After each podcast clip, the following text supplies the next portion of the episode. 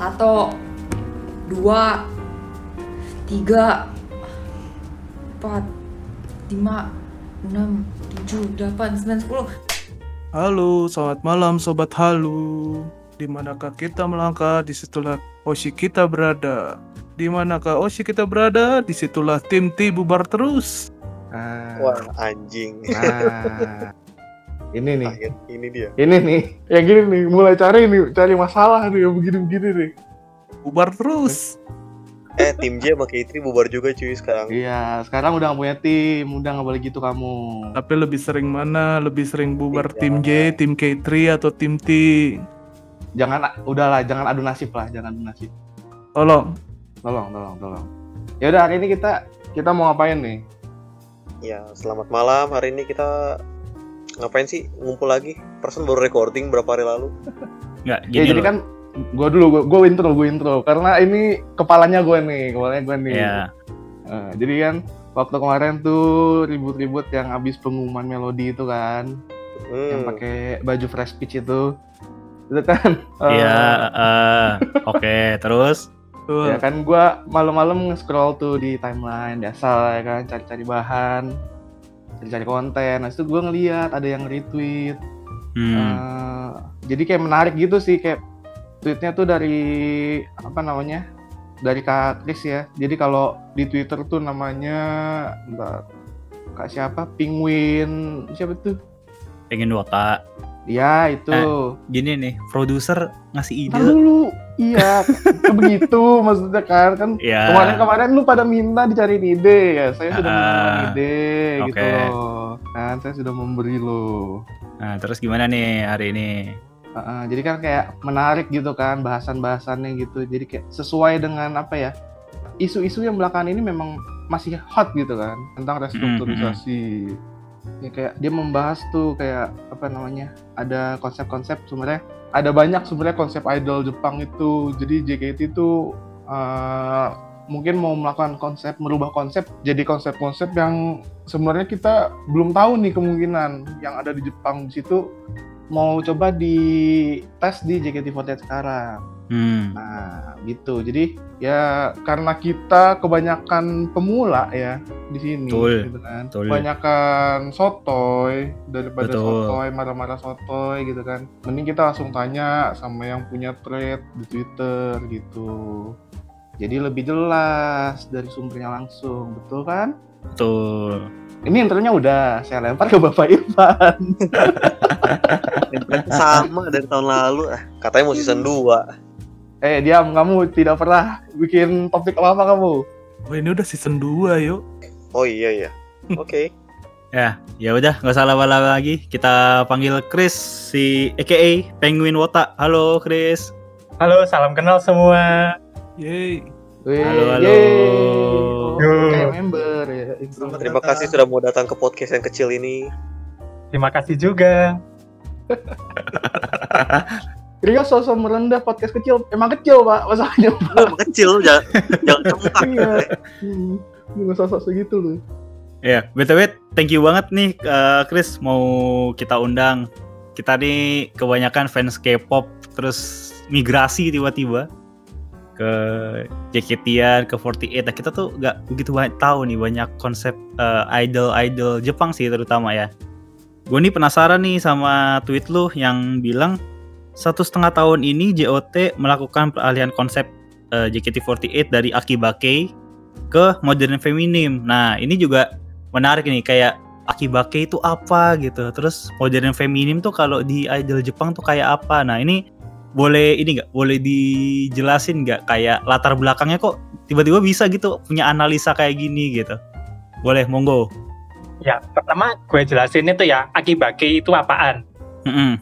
Akibake itu intinya segala yang berkaitan dengan otaku culture. Nah, otaku Hmm. sendiri kalau di Jepang itu artinya kayak budaya apa ya orang-orang yang suka sama suatu topik. Mereka sampai bener-bener suka sampai tahu banyak tentang hal itu. Mm-mm, mm-mm. Jadi kayak ada military otaku, idol otaku, anime otaku. Nah, itu pusatnya di Akihabara, tempatnya Hmm. AKB48. Hmm, Nah, di hmm, situ hmm. makanya apa 48 Family yang awalnya itu terinspirasi sama budaya-budaya geek di situ, budaya North Hmm. otaku. Hmm, hmm, hmm, hmm, hmm. Lalu mereka kayak ngambil-ngambil unsur, misalnya kayak lagu-lagunya ada yang dari terinspirasi dari soundtrack anime lah. Lalu yang sekarang juga ada konsep virtual idol juga, yang I, I, I itu juga dari Hmm. AKB48. Jadi ya mereka itu lingkupnya itu sekitar situ target demografi utamanya. Hmm. Lalu kayak modern feminin itu lebih ke idol yang terinspirasi sama kondisi perempuan Jepang. Jadi kayak Hmm.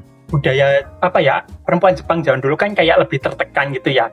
Kayak Ah. mesti ngikuti budaya patriarkinya di sana. Nah, Hmm. modern feminin itu menekankan kayak wanita Jepang yang lebih bebas. Ah. Kayak fashionnya atau mereka pengen menyuarakan suara-suara dari tema-tema lagunya. Makanya kayak Sakamichi 46 Family itu banyak tema-tema soal sosial, tema-tema gender juga atau misalnya orientasi seksual. Hmm. Contohnya kayak di Silent Majority, kan kayak ayo yang tertekan, ayo kita bersuara seperti itu. Hmm. Hmm, I see, I see, I see. Eh, konsep modern feminim ini emang kayak lagi naik gitu di Jepang beberapa tahun terakhir. Eh, makanya mau diadaptasi ke sini mungkin gitu ya atau gimana sih kondisinya gitu kalau di industri musik Jepang? Eh, tahu Chris? Industri industri di Jepang itu lebih gimana ya? Kayak terpengaruh Barat juga, terpengaruh terpengaruh Korea juga. Pokoknya Hmm, hmm, sesuatu hmm. yang foreign itu lebih teradaptasi. Makanya Hmm, kayak hmm. dilihat musik-musik Jepang sekarang itu banyak unsur jazz, banyak unsur Ya. pokoknya dari luar popnya juga Hmm. pop dari western pop dari Korea karena lebih tren gitu loh. Gimana ya bahasanya? Osiare osiare itu lebih trendy. Eh, iya, iya, iya, iya. Mainstream gitulah ya. nggak ngikutin mainstream juga sih karena lebih dibilang awalnya itu bikin konsep sendiri. Nah Hmm. begitu konsepnya udah matang akhirnya jadi populer. Jepang itu Ah. bisa gitu. Nggak ngikut nggak ngasal ngikutin. Oh, nggak kayak ada pakemnya tahun ini tuh lagi ngetren apa, tahun ini, tahun depan lagi ngetren apa, lebih kayak eh, matengin ini ya, eh, segmennya sendiri gitu ya. iya makanya kayak sekarang itu ada baby metal lah terus ada Ninja Hmm, Isu yang hmm, sekarang udah keliling Eropa band metal itu dari tahun 80-an baru populernya tahun dua tahun belakangan langsung konser Hmm. keliling Eropa eh lu sendiri ngelihatnya apa sih tanda-tandanya eh, dari JKT48 tuh kok kayaknya mau arahnya ke situ gitu, mau arah ke modern feminim nih. Tanda-tanda apa yang lu baca gitu kok? Wah, ini kayaknya arahnya ke sini nih gitu. Kok bisa tiba-tiba berpikiran kayak gitu?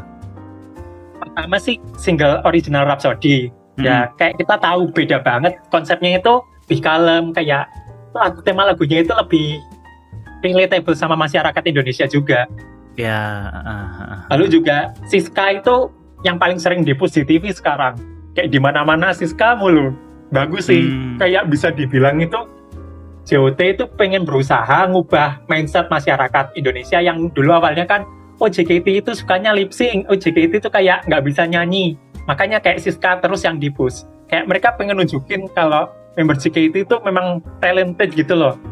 Emang ada sesuatu yang bisa dijual, nggak cuma ngasal joget-joget gitu. Hmm, oke oke. Jadi tanda-tandanya tuh dari uh, single originalnya yang mungkin uh, vibe sama genre-nya tuh lebih ke arah yang modern feminim gitu sama nge-push talent-talentnya ke TV itu ya yang kayaknya Iya. nggak sekedar idol uh, bawaan dari Jepang aja gitu ya.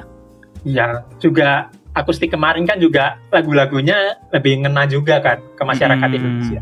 Mm-mm, mm-mm, mm. Ah oke oke oke. Nah eh, penasarannya tuh gini sih, eh, setahu gua ya, ini eh, disclaimer kita nih nggak begitu ngikutin idol Jepang gitu. Kebanyakan main di K-pop yang kayaknya emang lebih mainstream juga ya secara global gitu. Tapi ngelihatnya tuh eh, kalau di Jepang itu kan yang dijual itu kayak apa ya? eh, ketidaksempurnaannya itu nggak sih? Kayak imperfectnya itu kan. Kalau di Korea kan kayak kalau debut harus udah jago dance-nya gitu nyanyinya udah harus bagus gitu dan kalau di Jepang kayaknya nggak gitu ya Ngejual proses gitu ya. Ah, ah, betul kayak menjual tumbuh kembang bersama fansnya itu sih apakah memang JKT udah di titik yang udah kayak gitu gitu transforming ke yang lebih mature yang lebih udah talentnya mateng gitu ketimbang nungguin dia progres eh, sendiri gitu Jadi maksudnya kayak gini, kayak generasi yang sekarang itu kayak Ya. nggak terlalu peduli sama JKT48 gitu loh. Mereka nggak tahu karena memang Oh. JKT itu merasa santai kayak oh kita udah ada konsep Jepangan paling populer sendiri, tapi mereka nggak Hmm. bener-bener nargetin ke marketnya situ. Oke, oke, oke, oke. Jadi kayak ngasal menjadi mainstream bukan berarti bakal langsung sukses. Karena di market Ya, ya. mainstream begitu, belum tentu orang-orang yang mainstream itu mau nggak ngelotorin uang buat JKT48. Sepakat. Paling carinya konten gratisan. Hmm. sepakat, sepakat, sepakat, sepakat. Eh, nah, ini tuh yang jadi pertanyaan gue juga sih. Eh, kan tadi lu bilang gagal memanfaatkan eh, segmen yang di Jepangan itu kan. Berarti kan ini kan kan dia bawa konsep Akiba K mungkin ya dari Jepang gitu ya. Yang Ya. lagunya lebih ke otaku, lebih anisong, lebih bubblegum gitu ya. Eh menurut tuh kegagalannya tuh di mana sih? Eh, kenapa nggak bisa memanfaatkan segmen ini gitu? Sebenarnya kayak konsepnya 48 Family yang luar itu dari awal itu udah gimana ya? Nggak bisa maksimal sukses. Karena anggapannya gini, Hmm, misalnya kamu targetmu itu orang-orang yang suka idol di Jepangan. Nah, terus kamu mengadaptasi lagunya ke bahasa Indonesia. Yes. Fans yang udah ada sebelumnya itu mikirnya gini, lah ngapain ngikutin yang Indonesia kalau ada yang di Jepang udah ada. Sama lagi paling cuma bahasa Oh. Indonesia. Jadi makanya marketnya nggak maksimal. Yang JOT butuhkan itu kayak ada pembedanya, unsur pembedanya di mana. Dan yang sebelum-sebelumnya itu unsur pembedanya itu nggak maksimal. Eh, contohnya gimana tuh yang yang eh, di yang lo rasa ini faktor pembedanya tapi nggak maksimal gitu eksekusinya mungkin ya? Misalnya seharusnya JKT itu konsep konsepnya itu kayak Jepang Indofusion. Nah, unsur Indonya itu nggak ada gitu loh. Jadi kayak Ah, fans iya, luar iya, pun juga mau ngikutin JKT48 juga ah ngapain, mending langsung aja AKB48. Jadi marketnya ya cuma Indonesia aja, nggak bisa langsung keluar-keluar. Hmm, oke. gue penasaran nih, kayak di 48 yang di Asia Tenggara lain tuh nge-fuse budaya lokalnya juga nggak sih? Kan kalau di Indo tuh kayaknya eh, Jepang banget gitu kan ya, kayak cuma pure translation gitu aja kan ya. Kalau di 48 Asia Tenggara lain tuh gitu juga nggak kondisinya? Gue penasaran aja. Gue tambahin dikit deh. Kalau Ah, ah. di JKT48 itu bukan berarti lagunya harus di bahasa Indonesia yang lebih cocok sama tema Indonesia, tapi lebih Hmm. ke konsep MV-nya gitu loh. Ah, oke, oke. Nah kalau yang lain-lain itu kayak misalnya kayak di Filipina, konsepnya itu dirubah lebih kayak K-pop, cumannya K-pop itu karena di Filipina ada campuran kayak budaya Latinnya, musik-musik Latin. Eh, Musik Latin bukan berarti genrenya Latin, tapi kayak lebih ke tone musiknya, kayak pewarnaan apa ya, desain, desain latar, desain apa, lebih tercampur kayak K-pop sama musik Latin. Kalau yang gue lihat sih gitu. Terus kayak kayak di BNK, di CGM itu lebih membudaya lokal gitu loh. Kayak hmm, mereka mereka kan kayak iklan-iklan lokal itu bener-bener mereka campurin sama budaya Jepang sama budaya Thailand. Ah, I see, I see, I see. Menarik sih. Ah, ah, ah. Karena di di Filipina itu kan ini eh correct me if I'm wrong ya. Jajahan Spanyol ya kalau nggak salah ya. Eh, Ya dulu sih? Spanyol terus US. Ya, makanya eh, Latinnya ada influence Latin di budayanya gitu terus dia Iya. ambil itu sebagai salah satu poin adaptasi 48 di sana ya. Iya, cumannya itu pun juga belum tentu sukses karena ya kayak Hmm, kemarin hmm, itu kan hmm. ada Dead Soul Kyo juga kan. Ya, Iya. ya. Iya. Jadi anggapannya mereka itu masih ngeraba-ngeraba market. Market itu pedulinya apaan? Ah, oke oke oke oke oke. Kalau di Indonesia sendiri, eh menurut lo harusnya JKT48 apakah memang eh, retain aja gitu eh, di market yang sekarang yang di Jepangan gitu atau emang harusnya dari awal sih udah udah mulai main ke mainstream gitu kayak Rhapsody kan lagunya tuh kayak kekinian banget gitu ya maksudnya ala ala ala Malik gitu Eh, emang harusnya arahnya harusnya ke situ dari awal atau eh, sekarang udah agak telat juga ya arah-arahnya ke situ ya. Sebenarnya sih nggak telat juga sih. Kayak kita lihat kayak budaya apa ya? Kayak di sejarahnya industri musik Indonesia yang percampuran sama budaya luar malah bisa populer. anggapannya kayak Hmm, lagunya Sicilia hmm. Aisiteru atau yang kayak kemarin itu Hmm, hmm. apa ya itu La- Lati Lati kan juga populer banget Ah. kan karena ada percampuran iya. budayanya nah itu Iya, yang iya, belum iya. dimaksimalkan sama JOT I see, I see, I see, I see. Kimi wa Melody kemarin itu bisa sukses cumanya kayak promosinya itu kurang di TV juga hampir nggak pernah kan Kimiwa Melody tuh yang MV-nya pakai itu ya, batik itu ya? Apa sih? iya Kebaya, kebaya itu ya? Ya, bayangin kalau JKT48 di TV bawain yang lagu-lagu kayak gitu kan bisa lebih naik lagi. Cuman Iya, lagunya iya. yang dibawain paling ya awak dulu kan Heavy Rotation paling Eita Kata ya udah gitu-gitu aja. Rhapsody Ah. juga paling akhir-akhir ini aja. Eh, jadi kayak apa ya? Kayak nge-showcase eh, JKT ke market yang lebih luasnya ini juga terlalu Jepang banget gitu ya. Jadi orang juga sulit gitu untuk nerimanya kali ya. Gue sih mikirnya gini, JKT itu harus fokus itu kayak harus target beberapa market sekaligus. Cumanya fokus. Hmm, hmm. Misalnya kayak market Jepangan, berarti Hmm. apa yang mau ditunjukkan di market Jepangan itu. Kalau di TV berarti ya yang ditunjukkan beda lagi. Hmm.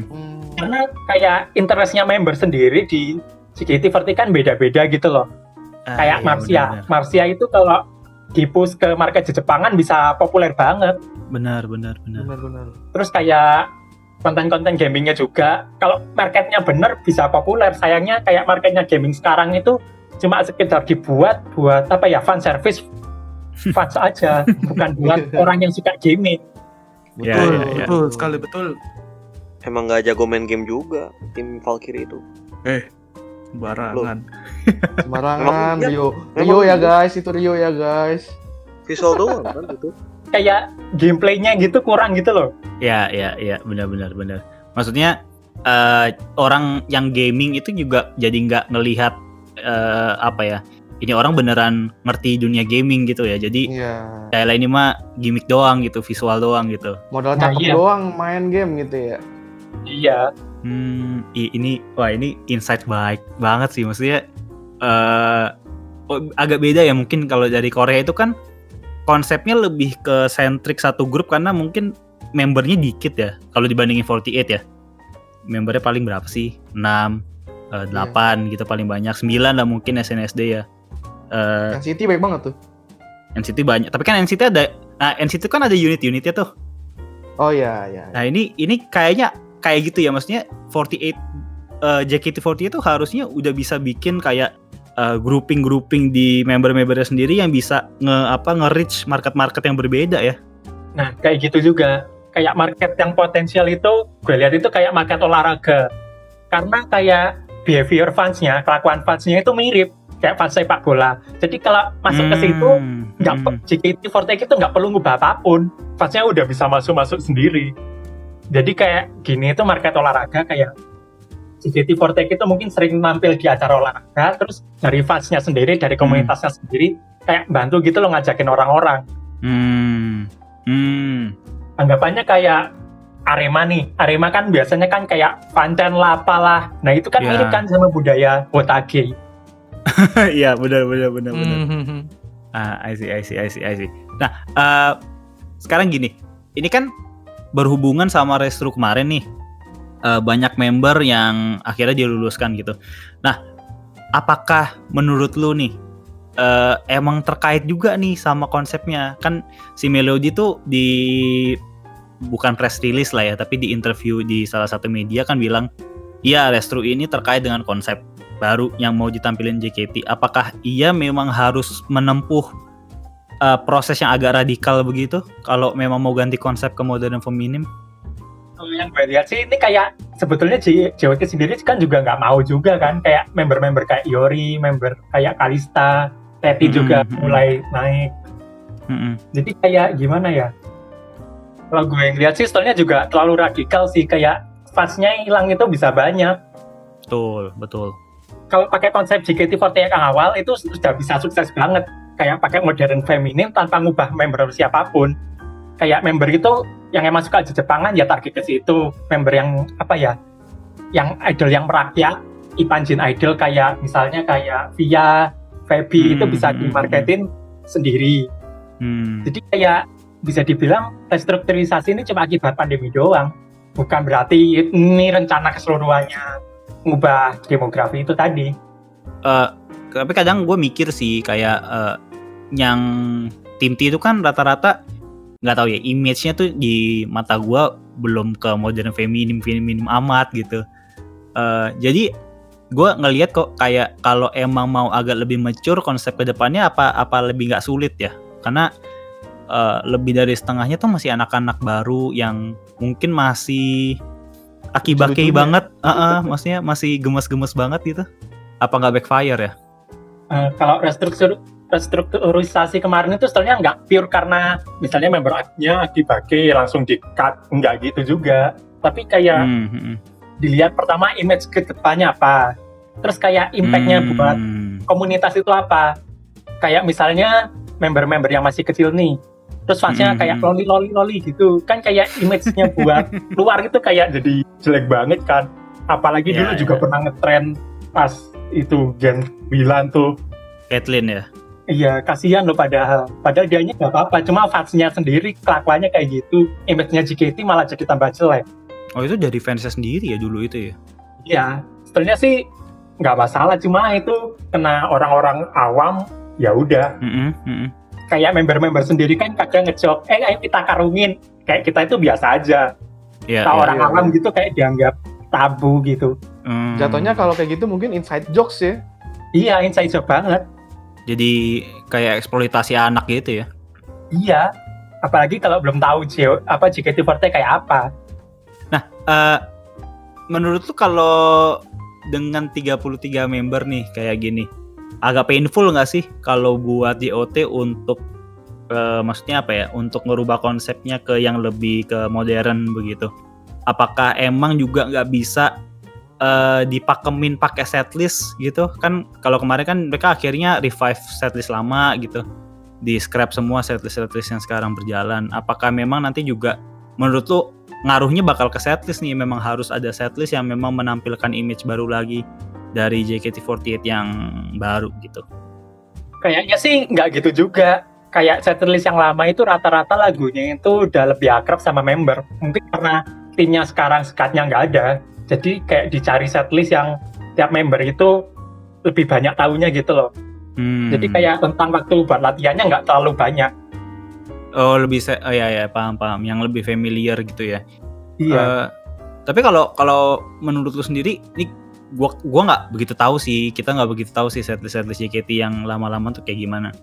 Tapi kalau konsep baru apakah menurut tuh harusnya ngaruh ke setlist juga? Maksudnya oke 33 member mungkin cuma pakai satu atau dua setlist tapi yang emang image-nya lebih nggak nggak kawaii gitu tapi lebih ke ya tadi lebih ke cewek-cewek modern yang mungkin punya suara gitu ya di uh, society gitu yang lebih strong gitu apa memang harus arahnya ke situ sebetulnya sih nggak ada hubungannya juga sih. Kayak JKT48 itu sebetulnya udah dari dulu mecah market. Udah fokusnya kayak fokus market gaming, market mainstream.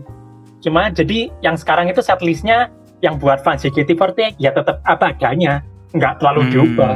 Cuma buat yang mainstream, buat orang awam yang sekiranya dapat pers, dapat apa ya virality itu lebih diatur sama JOT sendiri. Diarahkan lah nah ini kan ada single baru nih apa sih namanya gue lupa Darashinai IC Kata ya eh benar nggak sih ini gue namanya ya dari Sinai Ice Kata. Nah, ini gue udah udah dengerin sih yang eh, AKB punya gitu. Menurut gue genrenya kan agak-agak eh, upbeat eh, fusion jazz gitu, ada acid-acidnya dikit gitu.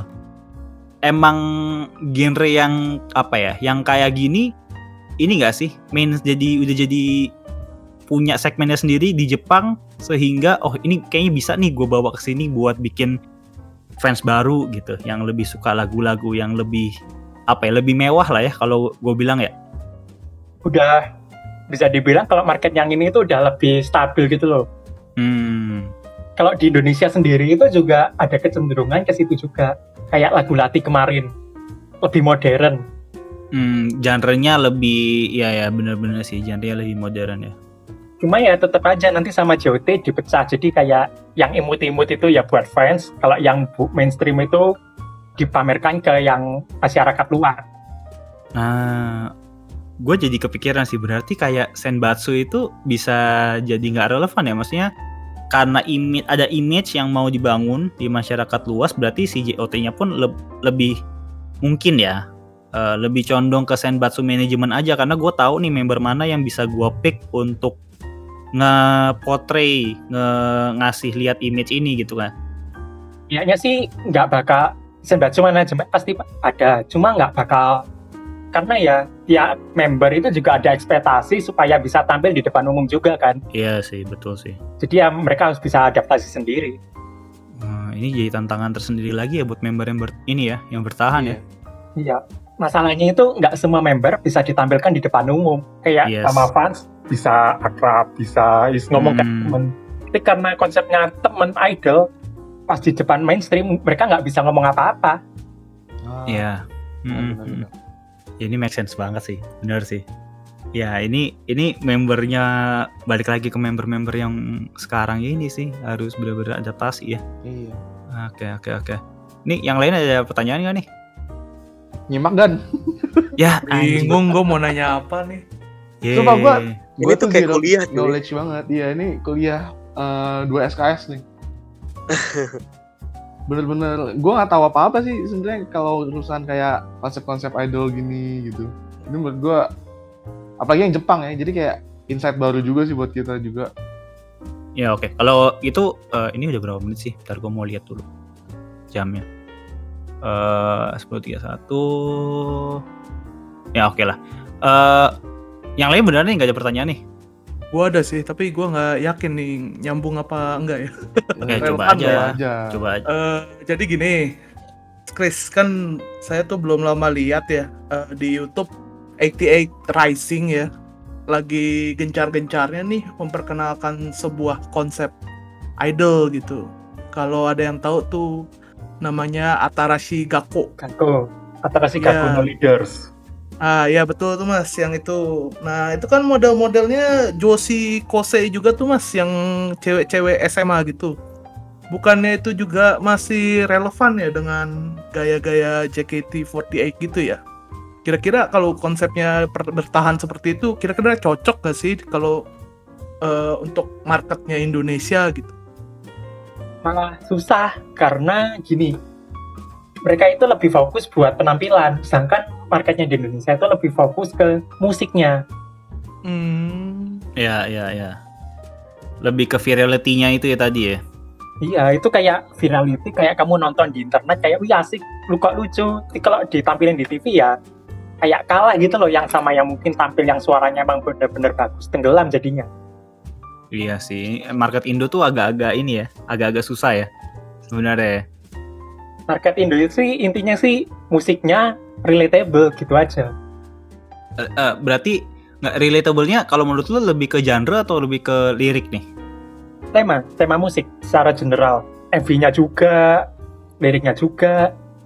Marketnya Indo itu intinya kayak terbagi dua. Pertama itu antara mereka pengennya musik yang mudah dipahami sama Hmm. musik yang kayak terlihat keren padahal liriknya juga mereka belum tentu Nah. paham.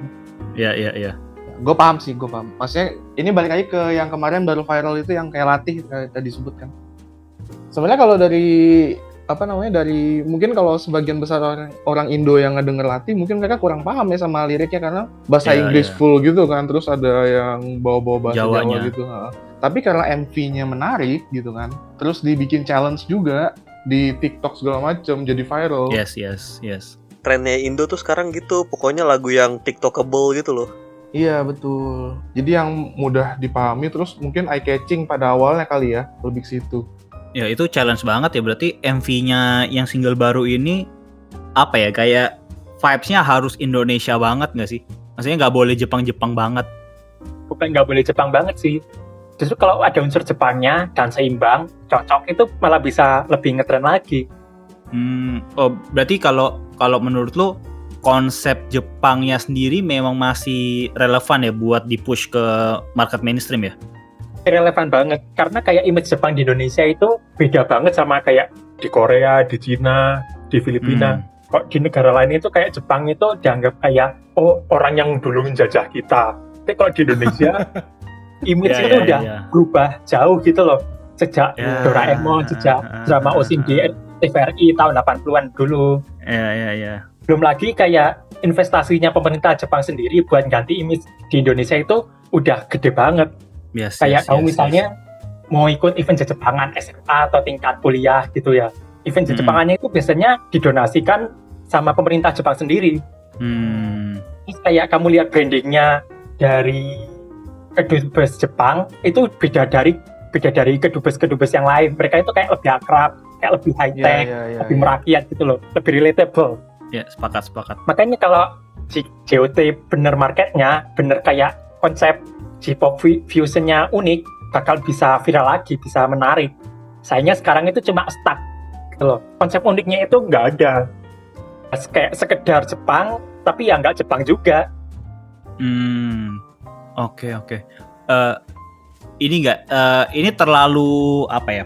Eh, terlalu bold nggak ya? Maksudnya kalau gua bilang ini memang ada mistake gitu, ada kesalahan di manajemen JKT dalam memahami pasar sama industri musiknya di negaranya sendiri gitu kan. Jadinya JKT-nya tuh juga apa ya? Eh, versatility-nya itu nggak nggak berkembang gitu. Benar gak sih? bisa dibilang gitu juga. Yang gue perhatikan itu kayak adaptasi ke market digital.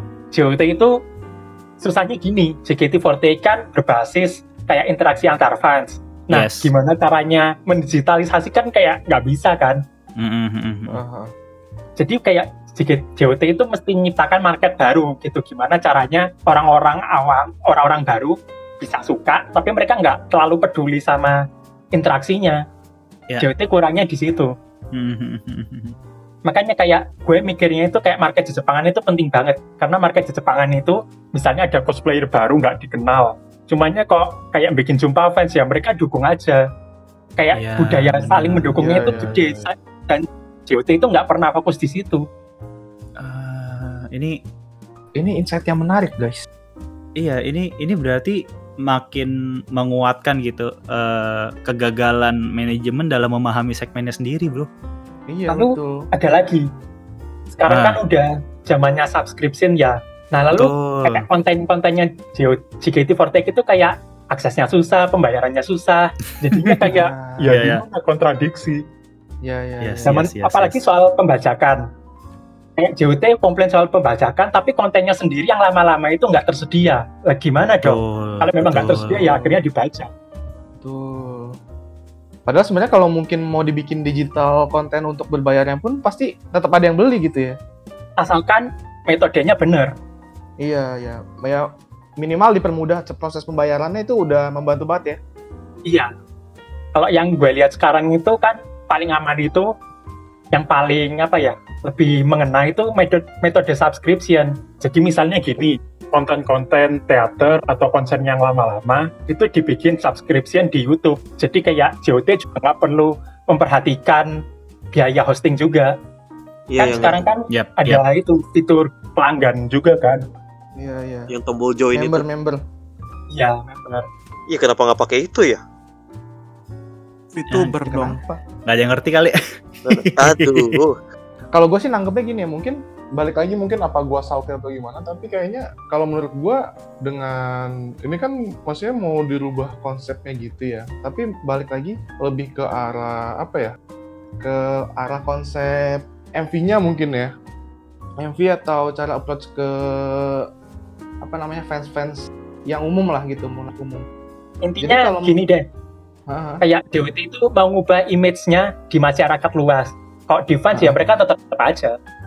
Iya, Paling iya. yang perlu itu cuma pelayannya doang. Iya, nah iya betul betul. Nah, menurut gue sih mungkin eh, kayak restrukturisasi ini menjadi lebih nggak relevan karena kalau memang gitu ngapain ngebubarin apa namanya banyak nge-PHK-in banyak member gitu kan karena ujung-ujungnya kan mereka juga ada fansnya masing-masing kan gitu. Ya memang nggak relevan ini memang cuma karena pandemi. Cuma karena Iya. udah telanjur jadi ya sekalian aja dicarikan yang cocok sama konsep ke depannya.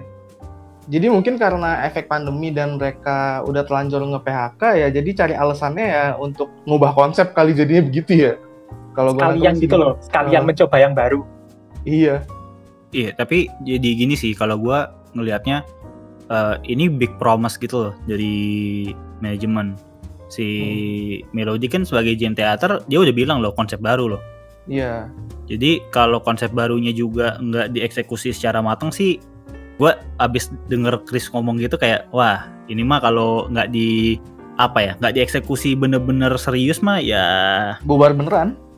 iya soalnya mengecewakan banget sih kalau emang perubahan radikal gini tapi juga setengah-setengah matang gitu Masalahnya lu udah nge-cut banyak orang gitu ya, banyak member. Iya, Terus betul. lu udah ngejanjiin sesuatu yang baru, konsep yang baru. Mm, mm, mm. Tapi kalau misalnya nanti ketika ditunjukin ke publik dan konsepnya itu setengah mateng, ya udah iya sih hilang semua.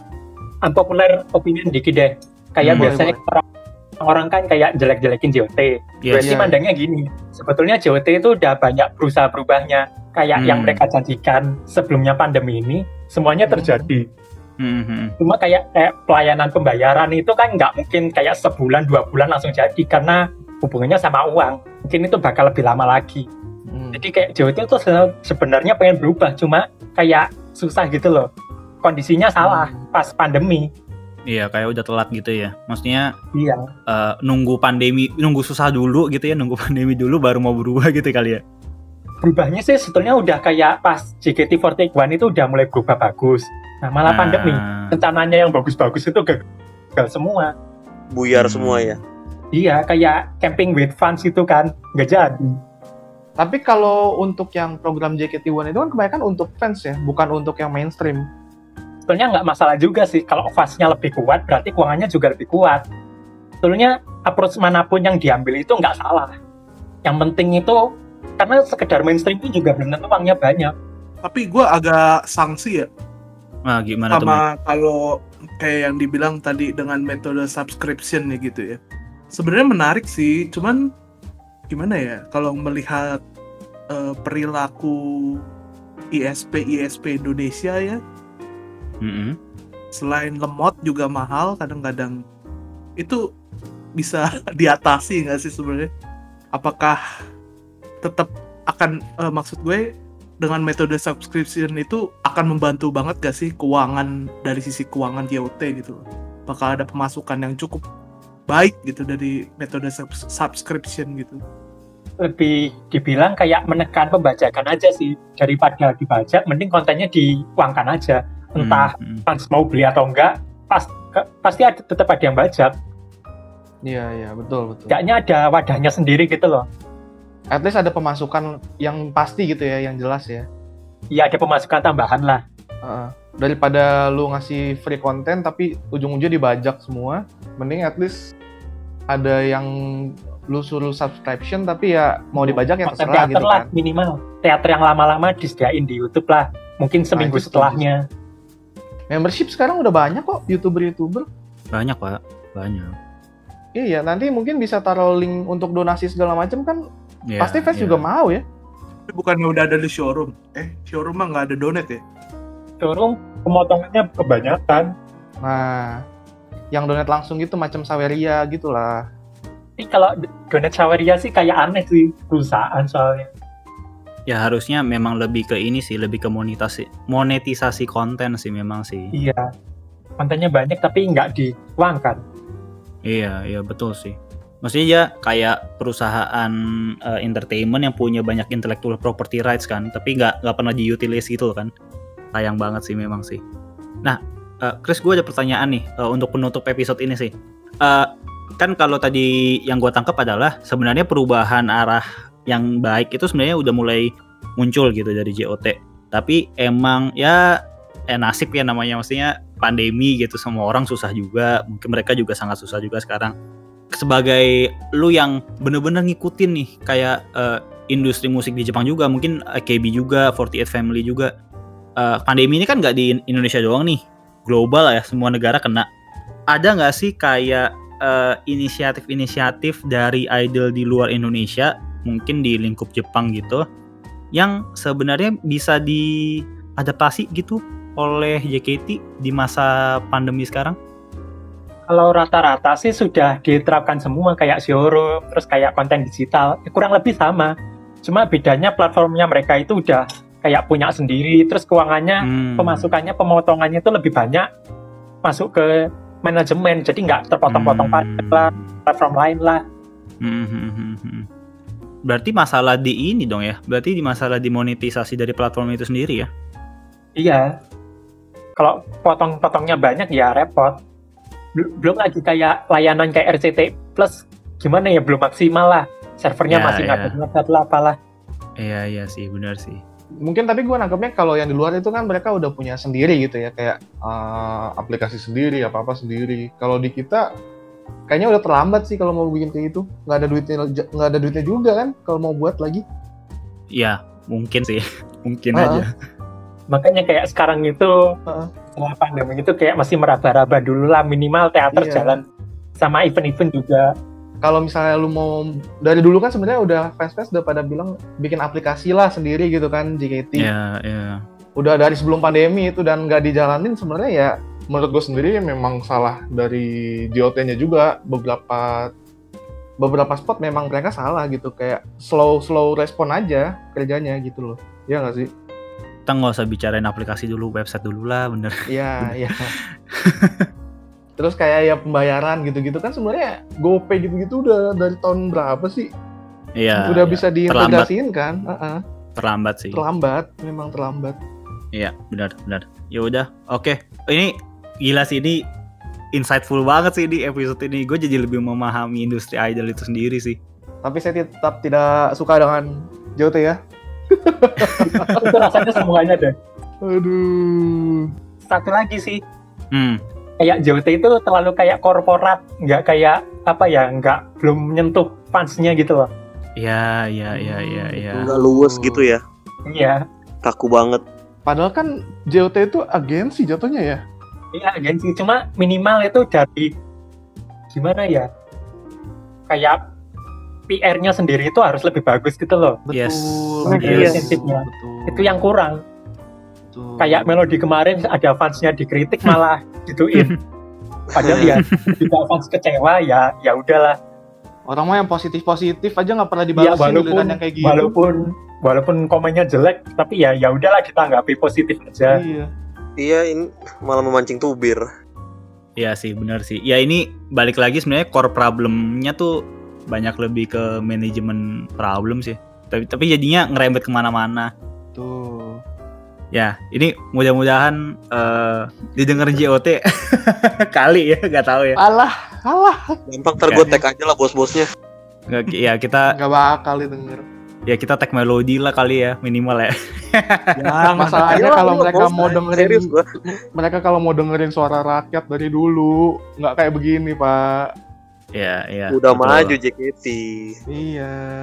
Ya, ya. Mungkin penutupnya adalah ya memang idol itu cerminan sebuah rezim Irfan. negara. Cukup. Dua episode bilangnya rezim negara. Ya, kan saya nggak sebut negara yang mana. Ya, jadi oke. Oke. BTW, thank you banget nih Chris mau diundang. Nih fans far dari Malang eh, bagi banyak-banyak insight. Thank you Ilmu banget loh. banget. Iya sih. Thank you. si juga Gila, kita hari ini tiga orang cengok ya, goblok semua. Satu orang doang yang kerja. Guru Udah ya dia kerja. yang nanya. Udah gitu dia ngedit lagi nanti. Udah dia nanya, dia ngedit. Iya, ya kan? saya interviewer ya, yang riset topik, yang ngedit, Ya. yang ngupload, Ya. apalagi Ya. nih mau sebut lagi. Tenang, tenang. Nanti di Twitter saya yang nanganin. Tenang, tenang. Ya, betul. Ya. ya udah. Jadi eh Yowes eh, thank you semua. Eh, thank you juga eh, sobat Halu yang dengerin episode ini. Oke, Jangan lupa juga dengerin ini, Udah lama kita Apa? nggak nyebut fans kita sobat halu nih. Ya Oh ya, elah. soalnya soalnya kita udah mulai Tidak halu. iya, soalnya kita udah Sudah mulai mulai sadar, sudah mulai sadar. sudah tidak banyak halu lagi. Ya, ya. Eh, Oke, jadi sekian Eh, dengerin episode kita yang lain di Spotify. mention mention kita juga kalau mau ada topik atau mau kritik atau saran apa pun itu, pokoknya Ya, kita ngobrol banyak bacot. boleh. Yang Nah, bacot kita- Vander, kalau nggak Rio kalau di Twitter. Oke, Ah. jadi kalau meresahkan ya mereka berdua lah. Banyak kan saya guys kalau misalnya meresahkan. Ya, gitu. lebih sering. Wah, Saya Ya, kesepian, oke. tolong ya mention saya. Ya, Aduh. Dari daripada gua haluin haluin member mulu ya kan ya, mending orang ngobrol sama gua ada tuh di akun situ. Selama lu masih nganggur lah ya, Van. Iya. Ya, udah kita close ya. Ya, thank you semua sobat halu. Bye. See you on next Thank episode. Terima kasih. We're signing out.